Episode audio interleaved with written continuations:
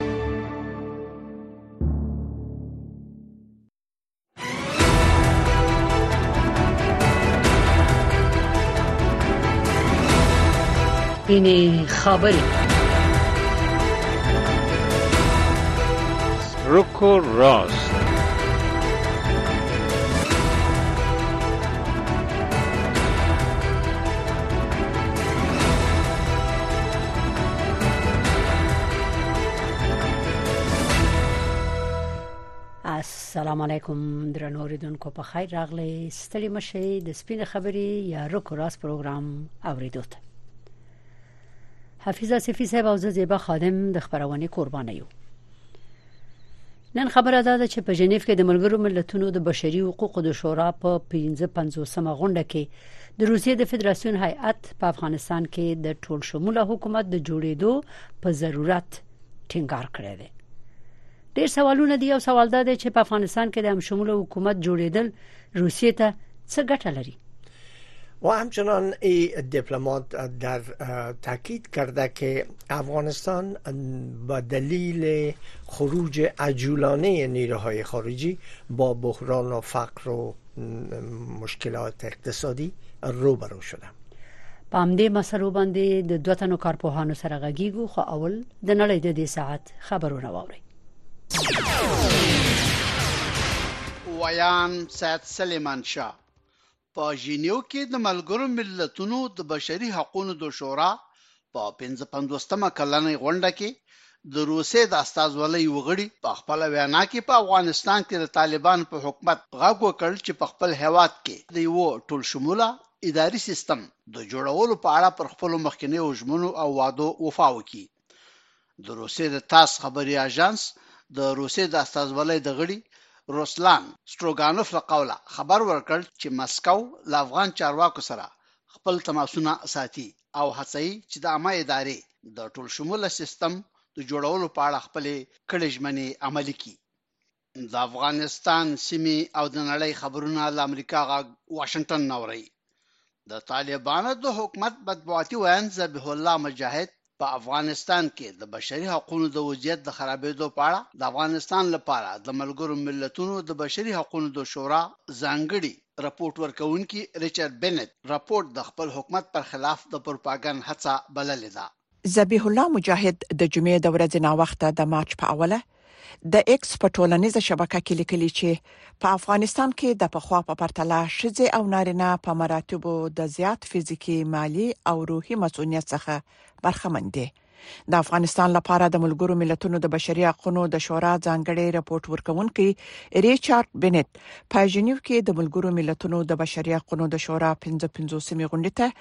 د افغانستان د بشري وضعیت په تړاو د خپل رپورت د وړاندې کولو په مهال وویل چې په دغه هیواد کې د طالبانو د اقداماتو له امله شزه او نجنې له عام ژوند څخه ګوښه شوې دي او په عمومي ډول د افغانانو بشري وضعیت لا خراب شوی دی د بشري وضعیت په اړه ذبیح الله مجاهد ویلي د ریچارډ بنټ رپورت بیا هم د اسلامي امارت د طالبانو حکومت په وړاندې د پروپاګاندا کولو هڅه ده کنه د پخوا په نسبت ټول افغانان شځې او نارینه په مراتبو فزیکی، مالی او روحي مسؤلیت لري څوک د چا په حق تجاوز نه کولای هر وګړي د خپل شرعي حقوقو خاوند دی او په امن کې ژوند کوي شافیا سردار امریکا جاغ واشنگټن په عین وخت کې د رواداري په نوم د بشري حقونو د څار یوې ډلې چې له افغانستان نه بهر مېشته ده ویلي دي چې په 2023 میلادي کال کې په افغانستان کې بشري وضعیت لا پسې خراب شو د رواداري د موندنو پر بنسټ په دغه کال کې په افغانستان کې لږ تر لږه اووه سوه دوه اویا تنه د بشري حقونو نه د سرغړونو په بېلابېلو پېښو کې وژل شوي او یا ټپیان شوي دي د طالبانو د حکومت د صنعت او سوداګرۍ وزارت وایي چې د دغه وزارت د سرپرست نورالدین عزیزي په مشرۍ د افغان سوداګرو او پانګوالو یو پلاوی د جمعې په ورځ د ترکمنستان پایتخت اشقاباد ته ولاړ هیئت نن د شنبې په ورځ په اشقاباد کې د ترکمنستان د سوداګرو او پانګوالو ټولنې د مشر نوکر قلي اتاقیوف سره د دواړو هېوادونو ترمنځ د سوداګرۍ او پانګه اچونې په باب خبرې وکړې. عزیزي اشقاباد ته له روانېدو مخکې خبریالانو ته وویل چې په دې سفر کې له هغه سره د پنځلسو ښځینهو سوداګرو په ګډون د دوه سوه پنځوس په شاوخوا کې افغان سوداګر ملګري دي. د سختو واورو د ورښت له امله د بغلان ولایت د مرکز او د ولسوالیو ترمنځ سړکونه تړل شوي د پژواک اژانس د خبر له مخې د فراه ولایت د پورکمن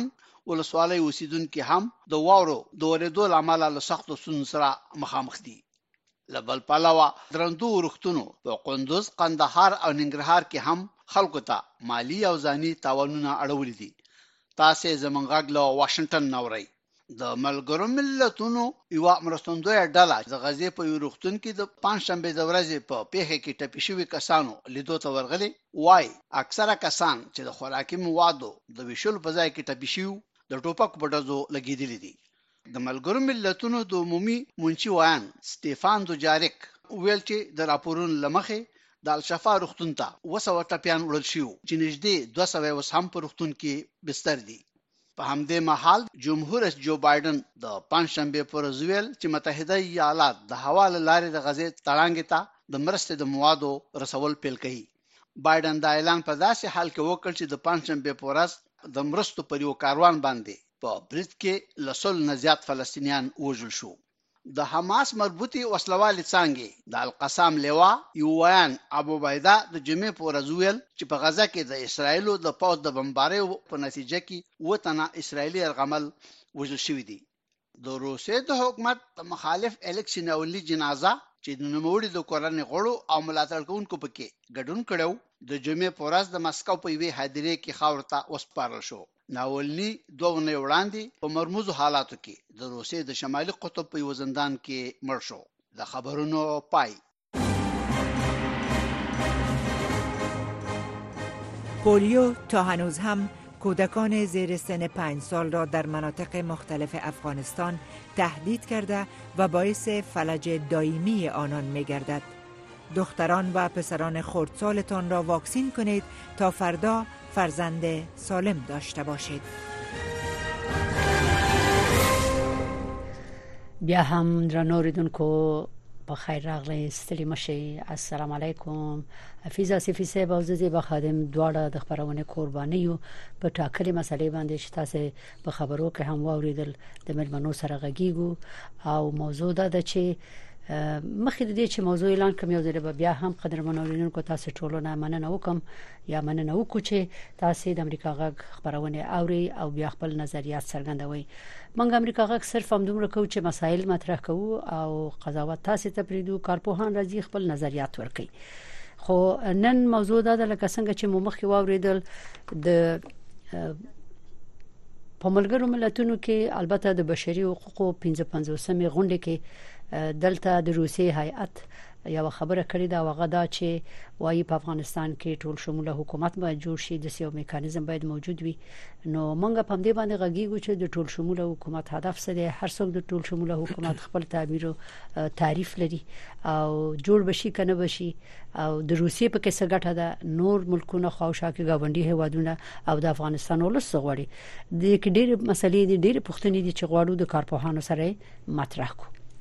نو آصفی صاحب محترم په خیال مې چې تر اوسه پورې ملمانه دواړه نه دي راغلي بله یکی از مهمان است بله مهمانای محترم اگه اجازه بدین بانو خادم معرفی بکنم بله مهربانی مهمانای محترم برنامه امشب جناب آقای سید اسحاق گیلانی عضو ولسی جرگی پیشین افغانستان و جناب آقای نجیب الله اخلاقی تحلیلگر روابط بین الدول هستند پروسر برنامه خانم زمانی میگن که بر فعلا جناب آقای گیلانی در روی خط داریم خب. جناب آقای گیلانی سلام به شما خوش آمدین صدای رو میشنوین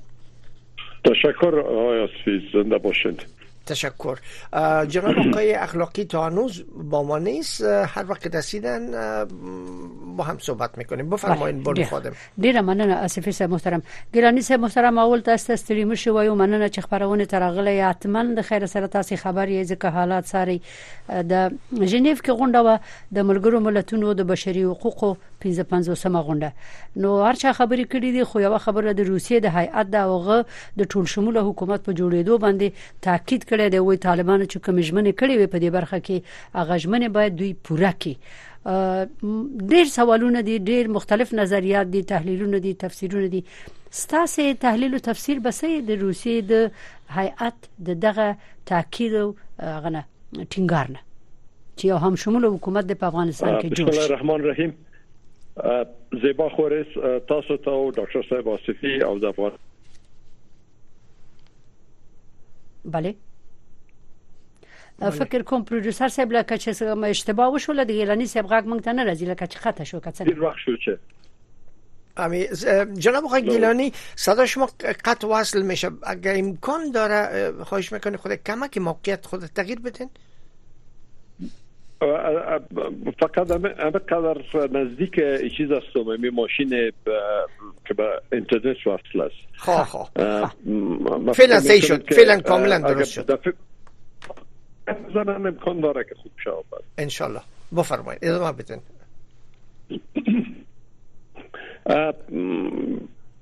د دغه ټول شموله حکومت خبرې ډیر زیات کیږي او تر اوسه پورې مونږ په دغه باندې نه یو پوهیدل چې دا ټول شموله حکومت څه رقم یو حکومت وي ټول شموله حکومت په نورو ملکونو کې خو انتخابات کېږي یو هیڅ برای اخلي رای اخلي خپل د خلکو نه او بیا حکومت جوړوي هغه باندې اعتراض هیڅ کله نه کیږي ولی د امارت اسلامي دا دوه نیم کال شو چې دوی په قدرت رسیدلی لا تر اوسه پورې افغانستان دې ته آماده شوی نه دی چې دلته انتخابات وشي او بل اخره یو نظام راشي چې هغه د افغانستان د خلکو په خوخه وي او هغه کس چې اکثریت رای واخستو هغه حکومت جوړ کړي او هغه بیا حتما د مختلفو اقوامو نه د شمول د ټولو ته اجازه ورکړي زه فکر کوم چې اوس نه دغه ادعاوې د غوښتن د امارت اسلامي کې ډېر زر دی او که کوم فیصله په دوه کې شوې وي د ټول شموله حکومت زه فکر کوم چې دا بیا د قدرتونو حق دی چې وویل شمول حکومت منلی و نو هغه ټول شمول حکومت بیا د انتخاباتو د لارې نه باید قدرت ورسیږي بغیر دا غینه په انتخاب د دې نه کیږي چې د هر یو قوم نه یو کس راولي وزیر کې چې دا ټول شمول شو دا زه فکر کوم چې دا به ټول شمول نه وي ټول شمول هغه ته وایي چې پو لایق او متحد کسان خپل دین ته او خپل وطن ته خپل خلکو ته د متحد وي او هغه راشي قدرت په لاس کې ونیسي او وزارت ګیلانی صاحب محترم تاسو په خپل په هغه کسانو کې چې د اول نه تر اخره د افغانستان د جهاد د دور نه تر اوسه پورې په ټولو مسایلو کې دخیلي او واګایي پخوا د مجاهدینو په وخت کې چلته سو تنظیم وو دا ویل کېدل چې پراخ بنسټه حکومت یعنی دغه ټول تنظیمونه باید پکې وي نمائندګي وکړي اوس په افغانستان کې مثلا د تیر شلو کلونو کې مختلف د مختلفو قومونو مختلفو قومونو نمائندګانو د غوي په نامه د چې نمائندګي کوله کنه کوله په دې ځنه پیغام خو د مختلفو قومونو نه مختلف رهبرانو سیاسيونو او هغه د حکومت کې شامل او چارې به چلولې دغه اوس هم د کله کله تعبیر کیږي چې د دوی به مقصد هم دا وي د هم شمول حکومت نه او طالبان یو رنګ ناری وهي چې موږ د وخت هم شمول حکومت جوړ کړی دی خو که د غرب تعریف د هم شمول حکومت نه دا وی چې هغه پخوانی سیاسيون چې په حکومت کې وو او هم دوی خپل هغه لمنځه یوړل که مقصد دا وی هغه مونږه هم شمول نه بولو او که څوک دا رقم خبرې کوي نو دا زمونږ په داخلي چارو کې مداخله کوي نو د روسیې د استاذي د خبرې په جواب کې ویل دي زبی الله مجاهد چې دا زمونږ په چارو کې مداخله ده مونږ خپل په خپل کار پویګو نو اوس دوی وي مونږ په کار پویګو او ولس بیچاره نظر چانه دی پختله او د هم شمول حکومت د جوړېدو چغه وهل کیږي څه فکر کې سوشي په زیبا خور تاسو د افغانستان د جهاد یادونه وکړه چې کله جناب حضرت صاحب مجددي په قدرت ورسېدو نو هغه وخت کې د ټولو تنظیمونو نه وزیران وو او درست بیا جنگي خلک بیل وو هغه هم جنگ کاوه هم وزارتونه اخیست یو بیا استاد ربانی چې په قدرت ورسېدو هغه کوشش وکړ چې فقط هغه خپل د حزب اکثریت په قدرت باندې وی او ماغه و چې داخلي جنگونو ته نورم لمن وهل شو او جنگونه شروع شول نه هغه وخت کې پراخ بنسټ و او نه بیا ورسته چې امریکایان راغلل دلته جمهوریت جوړ شو دلته هم کوشش کېده چې د سو کسو د خوخه کسان وزارتونو ته راشي چې هغه هم منتخب شای نه وو هر یو زوراور به خپل کس معرفي کاوه چې دا سړی باید یا وزیر شي یا والی شي یا چیرې مقرر شي نو په دې رقم باندې هغه متاسفانه مونږ تر اوسه پورې نه یو رسیدلی دې ته چې مونږ یو ټول شموله حکومت جوړ کړو چې په هغه باندې واقعا د افغانستان د خلکو ارمانونه پوره شي خلک د غربت او بیچارهګۍ نور توان پې نه رسیږي او مونږ په دې غب کې یو چې د زما د قوم نه ولې څوک وزیر نه دی زما په نظر باندې مونږ یو څه وخت لرو امارات اسلامي باید په خپل کړو کې یو یو مقدار تغییر راولي او هغه تغییر دا دی چې د جهان سره روابط او د جهان سره یو یو ورسته پاتې وطن لکه افغانستان موږ مجبور یو چې دنیا سره خره روابط ولرو او یو مقدار د غوي فرمایشات مو منو تر څو چې افغانستان سره کومک وکړي بغیر دغه نه که افغانستان سره غوي کومک ونه کړي د افغانستان خپل کوم عاید چې دی دا د افغانستان د خلکو د لپاره کفایت نه کوي او خلک به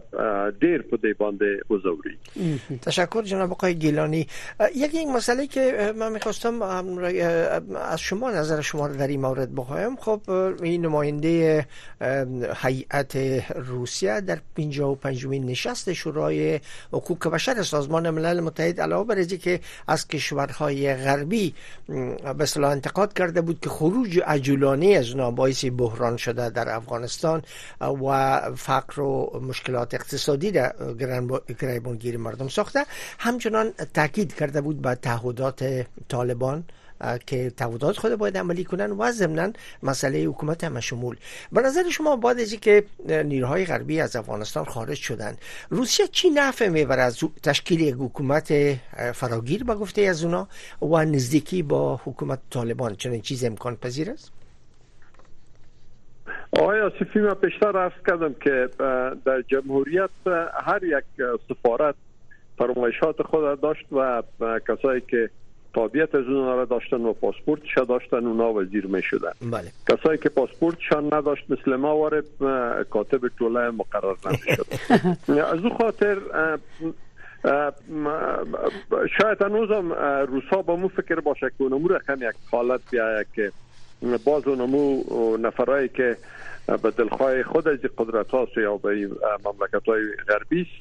اونا انتخاب کنن که کی وزیر چی باشه ما فکر میکنم که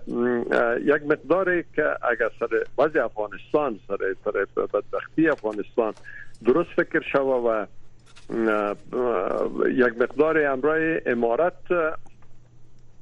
نرمش خود نشان بده و همچنان امارت نرمش خود به دنیا نشان بده که در اینجا از سرپرستی خلاص شویم و واقعا یک نظام داشته باشیم که ملت افغانستان بهش فخر کنه و فرار از وطن نباشه غربت گم شوه و راه های مواصلاتی ما درست شوه و بالاخره افغان هایی که از افغانستان بیرون رفتن اعتماد از اونا و جلب شوه و دعوت شوند که همشان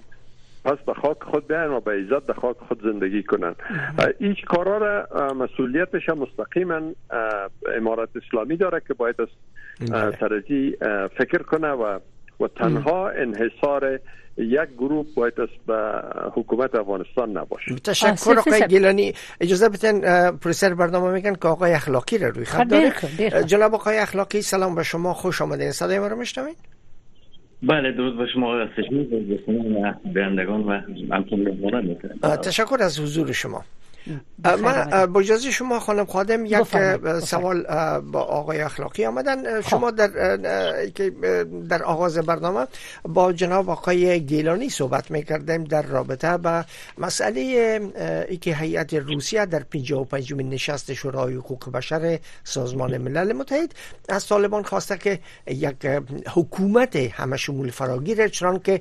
تعهد کرده بودند در آغاز هم ایجاد بکنند ما تازه روی این مسئله صحبت میکنیم که چون این روسیه چون این خاص داره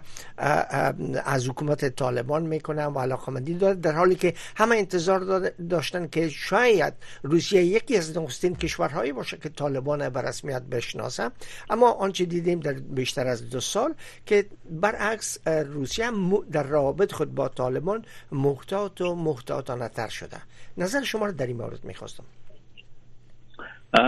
باز هم سلام مجدد خدمت شما من فکر میکنم که آنچه که روسیه یا یعنی نماینده روسیه در شورای حقوق بشر ملل متحد ارائه کرده در واقع موضوع اصلی روسیه بر اساس دکترین امنیت ملی و سیاست خارجی روسیه هست یعنی حرف واقعی روسیه همین است اما آنچه که در محافل دیپلماتیک رفتارهای گاه متناقض از آدرس نمایندگان دیپلماتیک روسیه برجسته میشه اونها در واقع بازی با با جانب امریکا و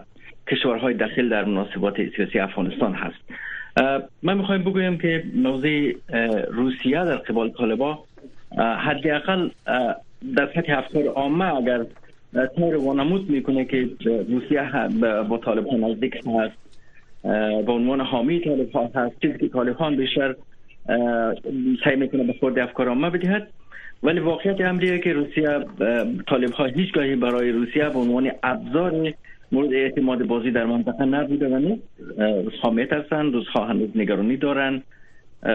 موارد بسیار زیادی هست قطعا شما میدانید که برای روس ها حل شده نیست و زمان روزها به اطمینان خواهد رسید که به تعبیر خودشان حکومت مبتنی بر مشارکت جمعی در افغانستان شکل بگیره که حداقل یک تهدید جدی و بالفعلی که علیه آسیای مرکزی وجود داره برای روسیه حل شود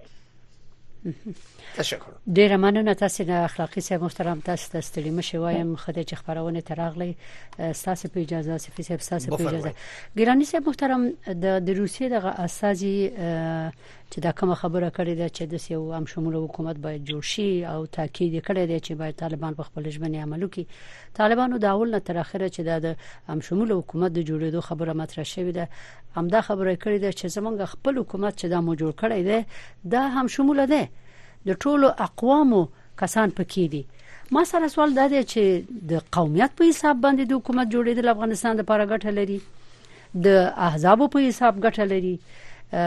یا مثلا دغه پخوانی سیاسون د طالبانو مخالفان چې وایي چې موږ ټول باید یو ځای وسو ټول کینو یو ځای حکومت جوړ کو دا ګټه لري خو کدی ګټه لرلې په مغاول کې باید دغه یو ګډ حکومت جوړ شوی هم طالبانو منلې هم د سیاسون منلې دا یو مونږ شو وس سبایدو شي سوال ما سره دا دی چې قومي بله مهرباني زیبا خود اول خو اخلاقی څه ته اعتراض تقدیمو زه فکر کوم چې دغه د دنیا کې چې کوم نظامونه دي او حکومتونه جوړیږي هغه نه په قومیت باندې جوړیږي او نه په فرمایشاتو باندې چې یو کس فرمایش ورکړي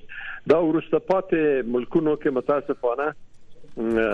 دغه مرض شته دی چې په قومونو باندې باید تقسیم وي او یا د احزاب فشار وی چې یو کس باید مقرر شي لکه دا اوس د پاکستان انتخابات ګورو د پاکستان په انتخاباتو کې درې څلور حزب سره یو ځای شول حکومت ته جوړ کو اوس تبابل سبب خپل کابینه اعلانوي دا زمونږ حالت فرق کوي زمونږ حالت ځکه فرق کوي چې نه په قومیت باندې باید موږ دغه شو اب شمول شو او نه په احزاب باندې په لیاقت او په ایمانداري باندې باید اتکا وشي چې هغه سره څونه لیاقت دی او کار لري او څونه متخصص دی دا کې کار هغه باید ورته کار ورته وسپارل شي د غیر د غینه کوم په قومیت باندې لا شو واقعا هم دا اوس ازبک هم شته هزار هم شته پښتون هم شته تاجک هم شته هر څوک شته په دې کابینه کې ولې قومیت کفایت نه کوي ما مونږ ته مهم دا دی چې هغه سونه په هغه وظیفه چې ورته ورکول شوې ده سونه وارد ده او سونه کولای شي چې افغانستان خلکو ته او بل اخره دنیا ته وخی چې دلته چې کوم وزیر تعین شوی دی هغه واقعا د دې لیاقت لري چې کار وکړي او بل اخر دنیا ته راځي یو سوال هم دلته هم دا اوس زما په ذهن کې دی غواړم چې د یاد مې ونو وزي نو دا اوس چې طالبانو کوم حکومت جوړ کړی دی د سرپرست حکومت تاسو دغه خبره چې وکړه لیاقت او ایمانداری څومره باور لري چې دغه لیاقت او ایمانداری شته او کچېری دلته مثلا کمای موجود وي د حل لارې څه ده د ایماندارۍ په مسله کې خو زما یقین دی چې دوی ایمانداری لري خپل کار د پاره ولې په لیاقت باندې شک لرم چې چې دوی په ټولو مسایلو باندې رسیدلی مخصوصا په تخنیکی وزارتونو کې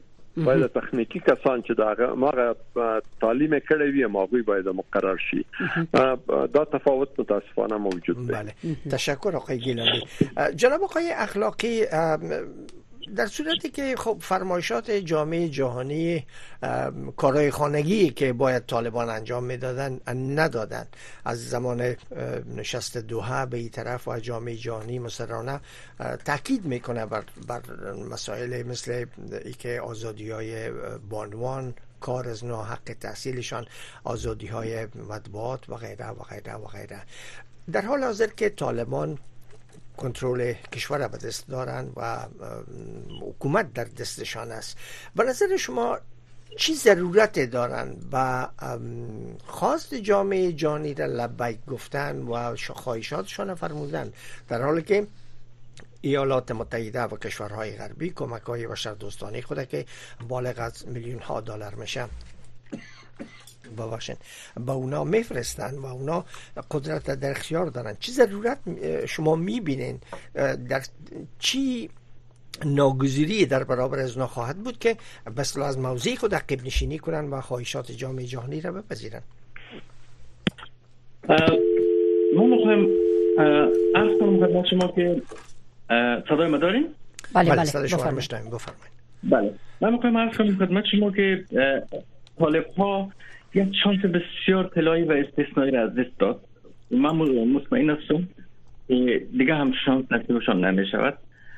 دنیا به خصوص غربی ها که بر میز گرد شورای به اصطلاح در واقع ملل متحد جمع میشن حد اقل های لیارهای حد اقلی به طالب های راه کرد که در واقع یک سرپوش شما برای به رسم اشرافتن طالب ها شما میفهمین که در کل کشورهای عضو نوتو پس از اوگوست 2021 و رسوایی و فاجعه در افغانستان اتفاق افتاد اینا سعی کردن که این رسوایی رو به گونه دیگه ترمیم کنه با حد اقل ها آمد به سراغ طالب ها و دنیا هم اعلام کرد که ما میخواییم با این حد اقل ها به اصطلاح طالب ها رو قانع کنیم که بروند به سوی به اصطلاح یک اطمینان بخشیم. متاسفانه طالب های شانس از دست داد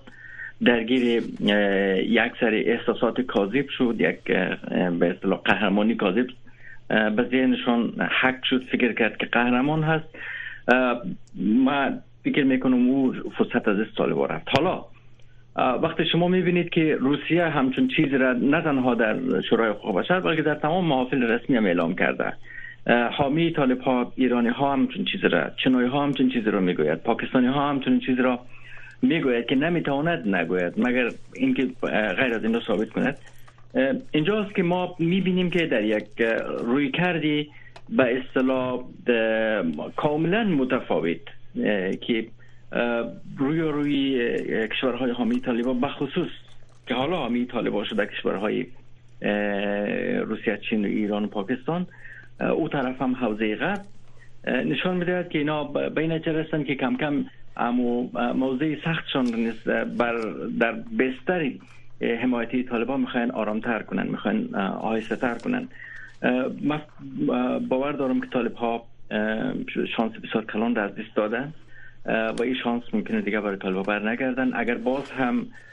ده همین مقطع هم اگر سیاسی برخورد نکنه با یک نگاه مبتنی بر به اصطلاح دورنما من فکر میکنم طالب ها ضرر خواد کرد اما یک چیزی که ما میخوایم در پیوند به صحبت های آقای گیلانی ارز کنم که ربط هم داره به پرسش شما وقتی دنیا مطرح میکنن حکومت مشارکتی هیچگاه را باز نکردن که حکومت مشارکتی مثلا به شکل آنچه که در حکومت های گذشته دو حکومت گذشته که داخل ما شاید بودیم که افراد می آمدن به نمایندگی از یک قوم وزارت را گرفتن همه می‌فهمند که این نوع طرح مسئله غلط است و این برای مردم قابل قبول نیست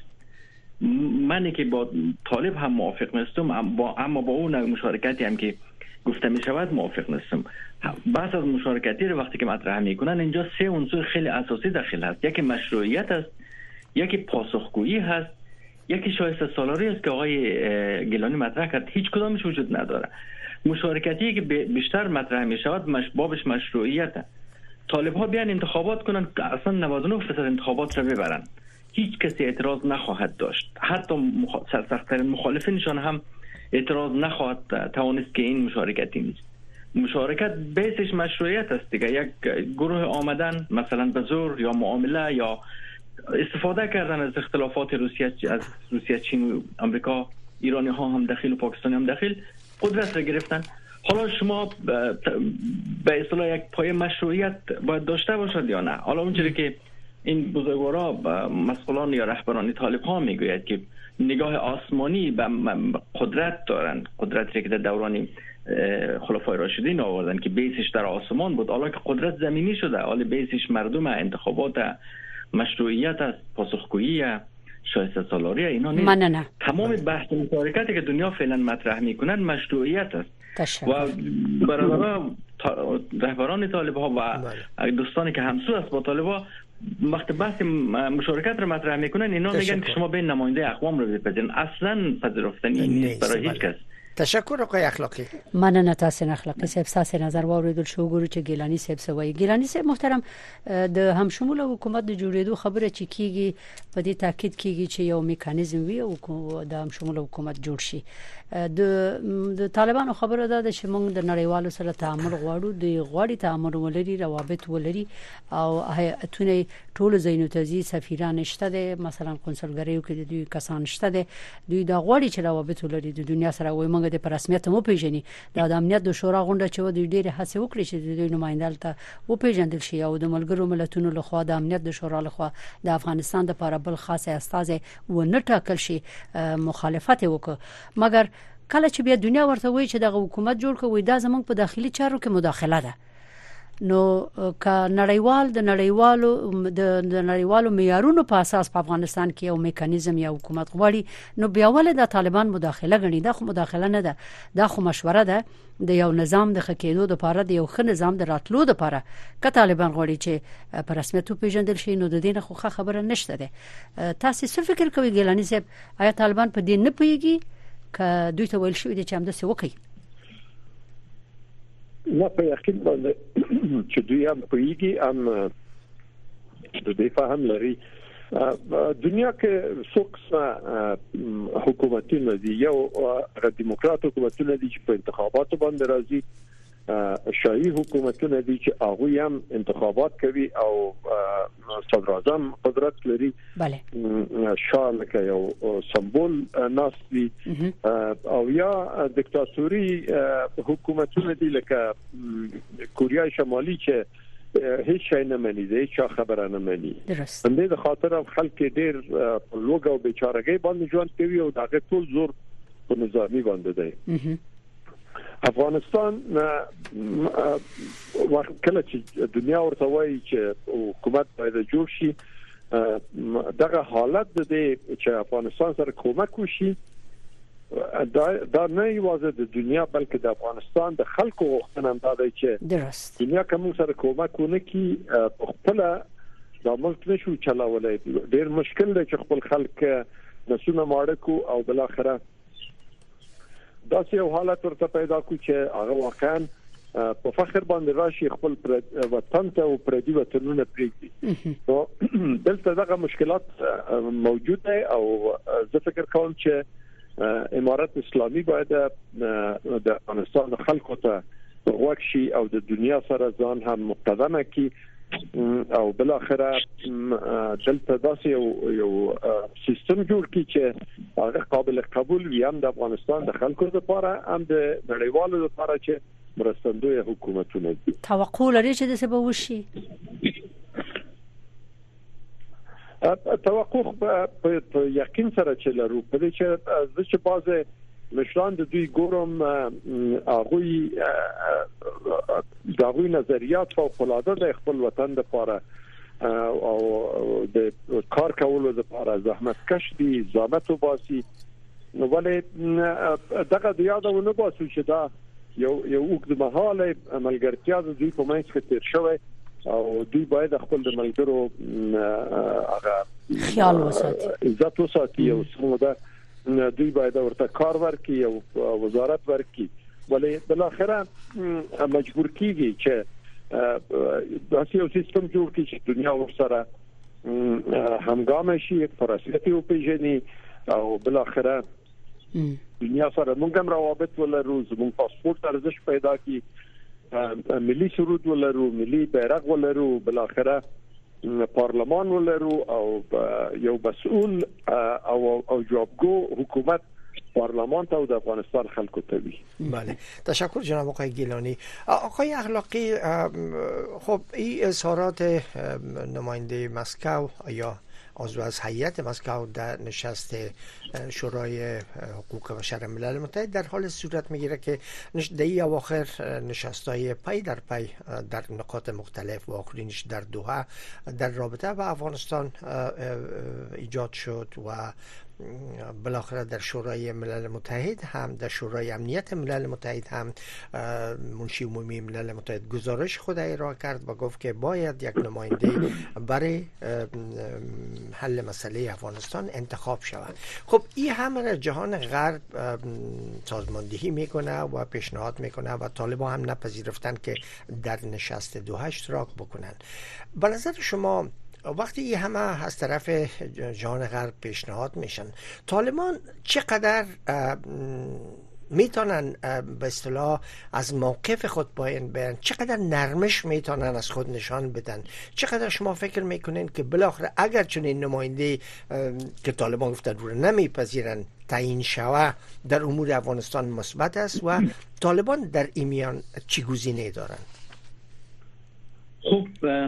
دو روی کرد اینجا خیلی برجسته هست ببینید یک وقت است که طالبان وقتی که چنین موضعی را اتخاذ میکنه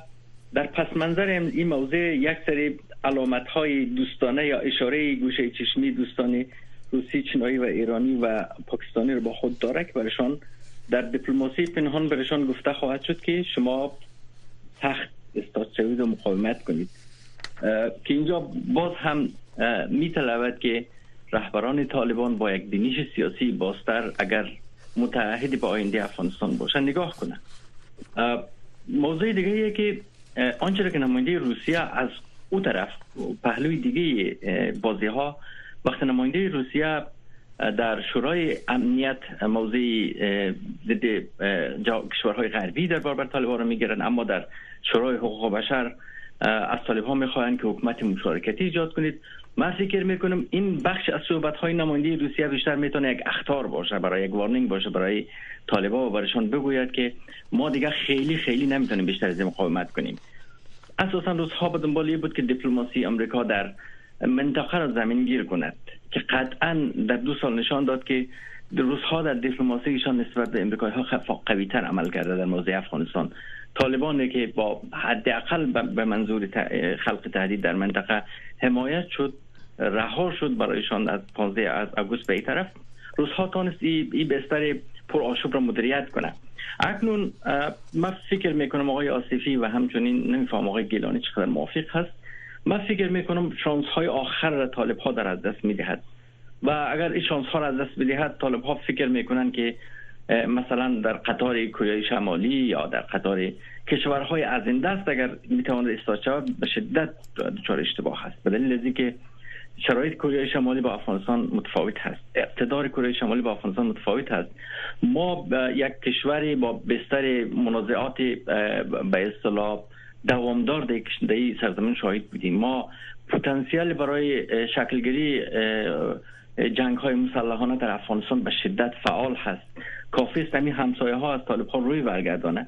و اینجاست که به باور ما طالب ها بزرگان طالب و اگر واقعا نگاه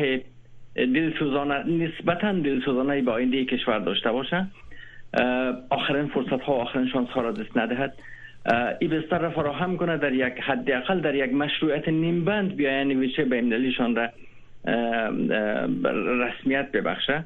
در غیر او ما به سوی منازعات پیشتر خود رفتیم وضعیت اینگونه دوام بله. نخواهد کرد وضعیت حقوق بشری برای دنیا حداقل نزد افکار عمومیشان هم دیگه نمیتونه توجه کنند نه امریکایی ها میتونه توجه کند نه اروپایی ها میتونه توجه کند و حتی روس های ایرانی ها و چینایی ها هم که حامی طالب ها هست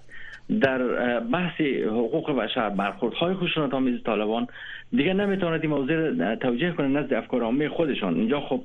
شما میفهمین که در غرب سازمان های قدرتمند وجود داره و این سازمان ها منابع قدرت را تحت فشار قرار میدهد و اینا هم ناگزیر هست که در برابر افکار عامه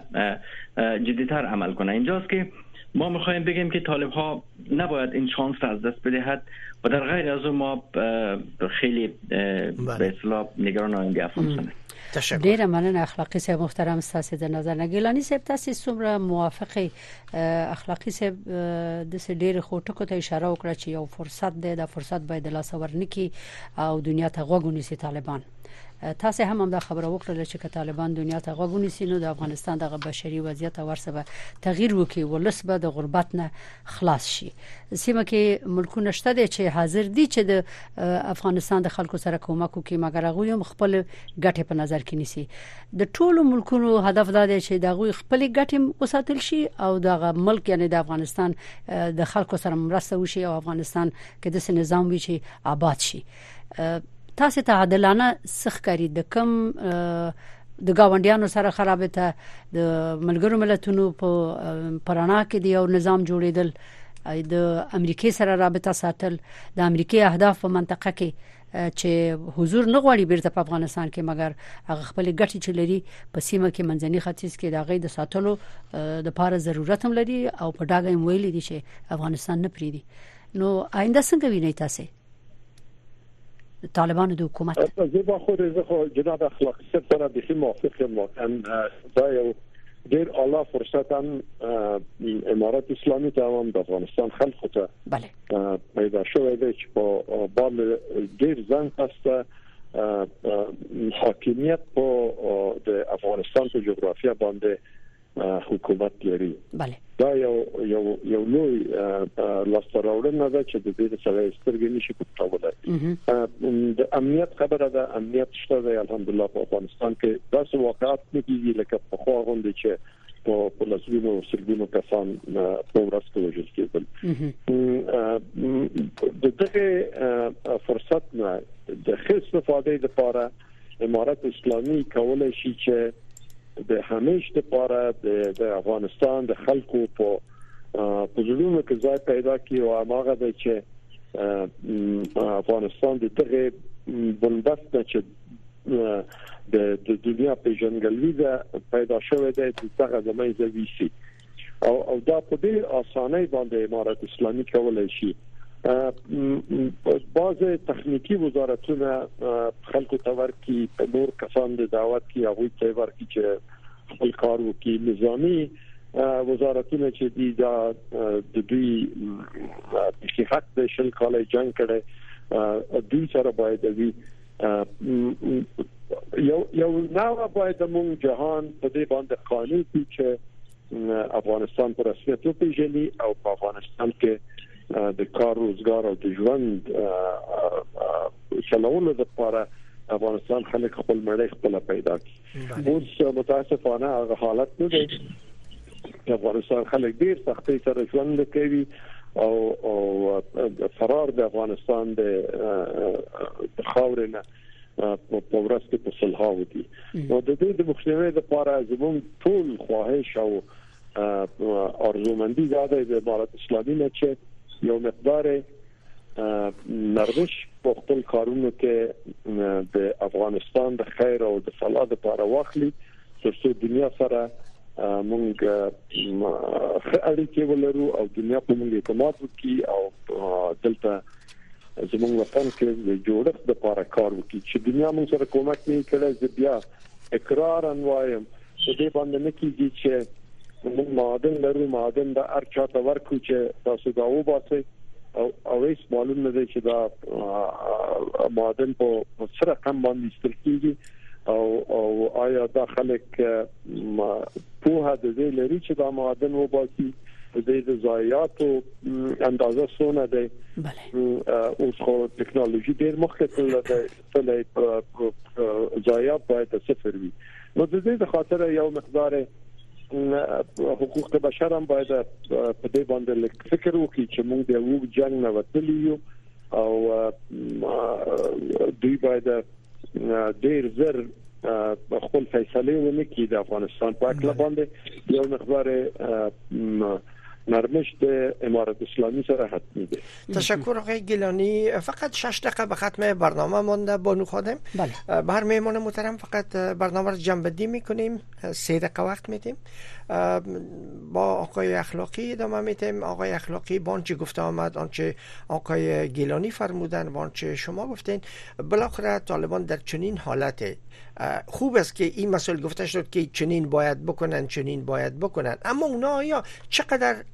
حاضر هستند در چنین شرایطی که همه پیشنهادات بپذیرن که مثلا افراد رقمی که آقای گیلانی فرمودن به وزارتخانه های تکنیکی آدم های مسلکی را دوباره بر قدرت برند و تلاش بکنند تا حکومت در جامعه به سطح جان پذیرفته شود و, و, و به رسمیت شناخته شود آیا طالبان در حال حاضر چقدر حاضر هستند آنچه برمیآید حتی اونا حاضر به یک گفتو در گفتگوهای صلح هم نیست گفتگوهای با مخالفان نیستند چی فکر میکنین او د دې ترڅنګ اخلاقی صاحب محترم دا د جنکو د تعلیم مسله د خزو د کار مسله د دوی بشري حقوق د خزو حقوق دا هغه مسلې دي چې غرب ورته د یو کرخه راخکل د ورته ویل دي چې دغه ساسه حد حدود دي کله دې حدود نه دی خو ته تاسو واوختي په رسمیت نه پیژندل کیږي تر څو وخت پورې باید دنیا نړیوال صبر وکړي چې طالبان خپل منځو کې سره جوړ شي او خزي کار ته پریدي او دغه حقوق هغه شي خوندي شي آیا طالبان در حال حاضر در چنین موقعیتی هستند و میپذیرند و خواهند پذیرفت بله مهربانی خب خب من بسیار کوتاه میخوایم جنبندی کنم بفرمه. ما بر اساس تجربه دو سال چند ماهی که از حکومت طالبا را داریم میبینیم که طالب ها نشینی نداشت کوتاه نیامد اندکی و ما فکر میکنم با توجه به فرض هایی که وجود داره و به اصطلاح دستبندی از رویدادها و به اصطلاح معادلات و معاملات سیاسی در منطقه دارم من معتقد هستم که طالب ها کرنش نخواهد کرد یعنی خیلی کوتاه نخواهد آمد به دلیل از اینکه یک خب تا هنوز در امو تعبیر خیلی معمول و معلیه که هنوز دمای اصل به سر میبرن سرمست یک پیروزی هست حالا اینکه در پس منظر این پیروزی فقط رهبرانشان میداند که چی تو افتاده رهبران متوسط و پایین خبر ندارن از داستان را موضوع دومی است که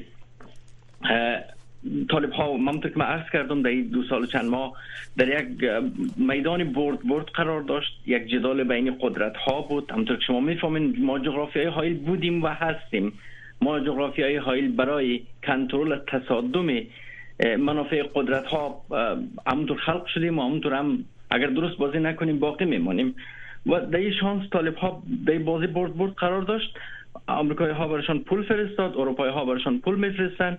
روس ها ایرانی ها ها هم به نوعی سعی میکنن که دیپلماسی آمریکایی را از اون طرف دور بزنن اونا هم با ها نرم رفتار کردن و این باعث شد که ها فکر کنن که اونا اگر کوتاه نیاین هم بازنده نیست در حالت اشتباه میکنن بله. در پاسخ با پرسش شما که طالب ها چگونه برخورد خواهد کرد من معتقد هستم که طالب ها هیچگاهی بر اساس بود دیالوگ افغانی که مورد بحث هست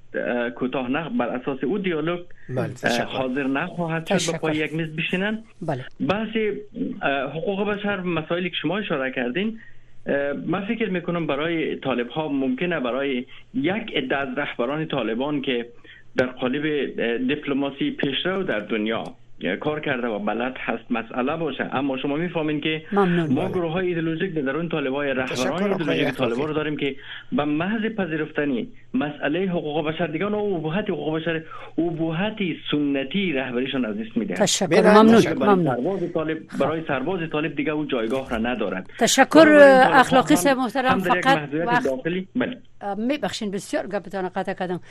وخت ختم شد ګلانی صاحب فقط یو دقیقه لرو که تاسو خپل نظر ورکړئ چې بل اخره د دوه دقیقه وخت ده دوه دقیقه د خوري خوشو ښه دوه دقیقه وخت لرو فقط دومره نظر ورکړئ چې څنګه کې دي شي طالبان غاړه کړي دغه هم شمول حکومت جوړېدو ته چې مسله حل شي زه فکر کوم چې یو مقدار اول خپل افغانانو پورې تعلق لري چې کوم کسان چې د امارات اسلامي سره په تماس کې دی او دوی مشرانو سره خبرې کوي بله دغه دغه مشکلات د خلکو او بل اخره د دنیا مشکلات دا ور سره همیشه دوی سره مطرح کی په یقین سره چې یو تعداد د دوی سره چې مال دي لیدي ښه پوهه لري، ښه د دنیا د حالاتو نه خبر دي او بالاخره د افغانستان د حالاتو نه خبر دي. زړه یې غواړي چې یو مقدار تغییر په دې سیستم کې راشي ولی مهم دا دی چې د رهبری سطح باید یو مقدار د افغانستان په دغه مشکل باندې زیاتر فکر وکړي او کوشش وکړي چې دغه حالت تور پای پیدا کی او د افغانستان خلک د خپل ژوند او د وخت او د تیریدو وخت پیدا کی او بل اخره خپل خاوره کې په عزت بله. تشکر از اردو مهمان محترم جناب آقای گیلانی و جناب آقای اخلاقی که در برنامه با ما بودن و نظر خود با ما و شنوندگان قسمت کردند وقت خوش برای هر دو مهمان محترم تمنا داریم حال هم رویا زمانی تازه ترین خبرهای افغانستان منطقه و جهان پیشکش میکنم سلام وقت شما بخیر رویا زمانی هستم با تقدیم مشروع خبرهای این ساعت یک نهاد ناظر بر وضعیت حقوق بشری در افغانستان موسوم به رواداری گزارش داده است که وضعیت حقوق بشر در جریان سال 2023 میلادی در افغانستان تحت حاکمیت طالبان در ابعاد گوناگون بدتر شده است این گزارش که امروز شنبه دوم ماه مارچ نشر شده به تحلیل و بررسی مهمترین رویدادهای نقض حقوق مدنی و سیاسی و حقوق بشری زنان طی سال گذشته میلادی پرداخته است بر اساس این گزارش نقض حق حیات به شمول های هدفمند مرموز و فراقضا و حملات انتقام جویانه در بخش های مختلف گسترش یافته است گزارش گفته است که طی سال گذشته 506 نفر در رویدادهای گوناگون نقض حقوق بشر در سراسر افغانستان کشته و 266 تن دیگر زخمی شدند هیئت روسیه در 55 مین نشست شورای حقوق بشر سازمان ملل متحد در ژنو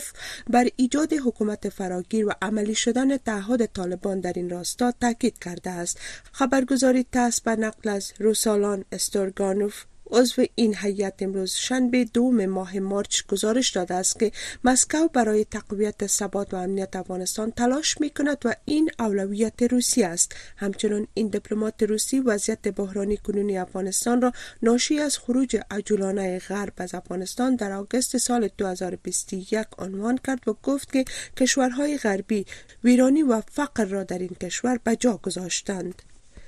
در حالی که گروه های حقوق بشر تازه ترین گزارش رچت بنت گزارشگری ویژه سازمان ملل متحد را در مورد وضعیت کنونی حقوق بشر در افغانستان ستودند حکومت طالبان این گزارش را یک گزارش تبلیغاتی دانسته است الله مجاهد سخنگوی حکومت طالبان روز جمعه بدون اشاره به جزئیات گزارش آقای بنت در شبکه اجتماعی اکس وضعیت کنونی و محدودیت ها بر آموزش تحصیل و کار دختران و زنان را نسبت با قبل مقایسه کرده است مجاهد گفته است که گزارش ریچارد بنت یک تلاش تبلیغاتی دیگر علیه امارت اسلامی طالبان است خبرهای منطقه و جهان را از امواج رادیو آشنا میشنوید گزارش های غیر رسمی امروز شنبه میزان مشارکت در انتخابات پارلمانی ایران را که به عنوان آزمون برای مشروعیت نظام آن کشور تلقی می شود حدود 40 درصد نشان می دهد که کمترین میزان مشارکت از زمان انقلاب اسلامی در سال 1979 خواهد بود. در این انتخابات رقابت میان تنروها و کارانی بود که وفاداری با آرمانهای انقلاب اسلامی را اعلام می کردند. احتمال دارد میزان حضور رسمی شرکت کنندگان در, در آن کشور روز دوشنبه اعلام گردد روند رای دیهی از ساعت هشت جمعه صبح آغاز و تا وقت شب دوام کرد مردم به انتخاب 290 عضو از میان بیش از 15 هزار نامزد رای دادند رهبران تهران برای بهبودی مشروعیت خود که به شدت توسط اعتراضات ضد دولتی در سالهای 2022 و 2023 آسیب دیده بود نیاز به مشارکت بیشتری داشتند در حالی که اسرائیلی ها برای پیوستن به تلاش های جنگ در غزه فراخوانده می شوند این وضعیت خشم جامعه ارتودکس افراطی را به بار آورده است که مدت ها از خدمت سربازی اجباری که برای اکثر شهروندان نیاز است به دور ماندند از زمان حمله هفتم اکتبر توسط شب نظامیان فلسطینی این سوال که آیا این جمعیت که اعضای آن خدمت نظامی را با وظایف مذهبی خود در تضاد میبینند باید مذهب به خدمت باشد یا خیر بحثهایی را برانگیخته و منجر به اعتراضات علیه معافیت های چند دهه آنان شده است جو بایدن رئیس جمهور ایالات متحده روز جمعه گفت که امیدوار است تا زمان ماه رمضان که از دهم ماه مارچ آغاز می شود توافق آتش بین اسرائیل و گروه شبه نظامی حماس برقرار شود جزیات بیشتر را از حفیظ آصفی مشنوید آقای بایدن گفت که کار پیرامون موضوع جریان دارد ولی تا هنوز نهایی نشده است. پیش از این بایدن اعلام کرده بود که قصد دارد تا ارسال اولین کمک های غذایی را از طریق هوا به غذا انجام دهد. این اقدام پس از آن گزارش شد که مرگ فلسطینیانی که برای گرفتن کمک در صف ایستاده بودند فاجعه انسانی در حال گسترش را در این منطقه نمایان می سازد. بایدن گفت که ارائه کمک های هوایی امریکا در روزهای آینده انجام خواهد شد اما جزئیات بیشتر ارائه نکرد کشورهای دیگر از جمله اردن و فرانسه در حال حاضر کمک های هوایی را به غزه انجام داده اند. این در حال است که مقام های سیهی غزه گفتند که نیروهای اسرائیلی بیش از 100 نفر را در تلاش برای رسیدن به یک کاروان امدادی در نزدیکی شهر غزه در اوایل روز پنجشنبه 29 ماه فبروری از پا اند. و در خبر اخیر این که مقام ها در اوکراین خبر دادند که در اثر سقوط یک تیاره بی پیلوت روسی بر یک مجتمع رهایشی در شهر بندری اودسیا در جنوب اوکراین سه نفر کشته، هشت نفر زخمی و شش نفر مفقود شدند. ولادیمیر زلنسکی رئیس جمهور اوکراین در یک پست تلگرامی نوشته است که روسیه به مبارزه با غیر نظامیان ادامه می دهد و با گفته وی یک از تیاره های بی پیلوت دشمن به یک ساختمان مسکونی در اودیسیا حمله کرد که هشت آپارتمان را ویران ساخت رئیس جمهور اوکراین امروز شنبه از غرب خواست تا پس از کشته شدن پنج نفر در تازه ترین حملات روسیه سیستم های دفاع هوایی بیشتری را برای آن کشور فراهم سازد مقام های اوکراینی گفتند که حملات هوایی شبانه در شهر ساحلی و اودیسیا جان سه نفر را گرفت در حالی که بمباران یک نفر در منطقه خارکیف در نزدیکی مرز روسیه و دیگری در منطقه خط مقدم در خرسون کشته شد اوکراین در حال حاضر در جنگ دو ساله با روسیه عقب افتاده است زیرا یک بسته کمک 60 میلیارد دلار در کنگره ایالات متحده متوقف شده است این بود مشروع خبرها تا این لحظه از امواج رادیو آشنا صدای امریکا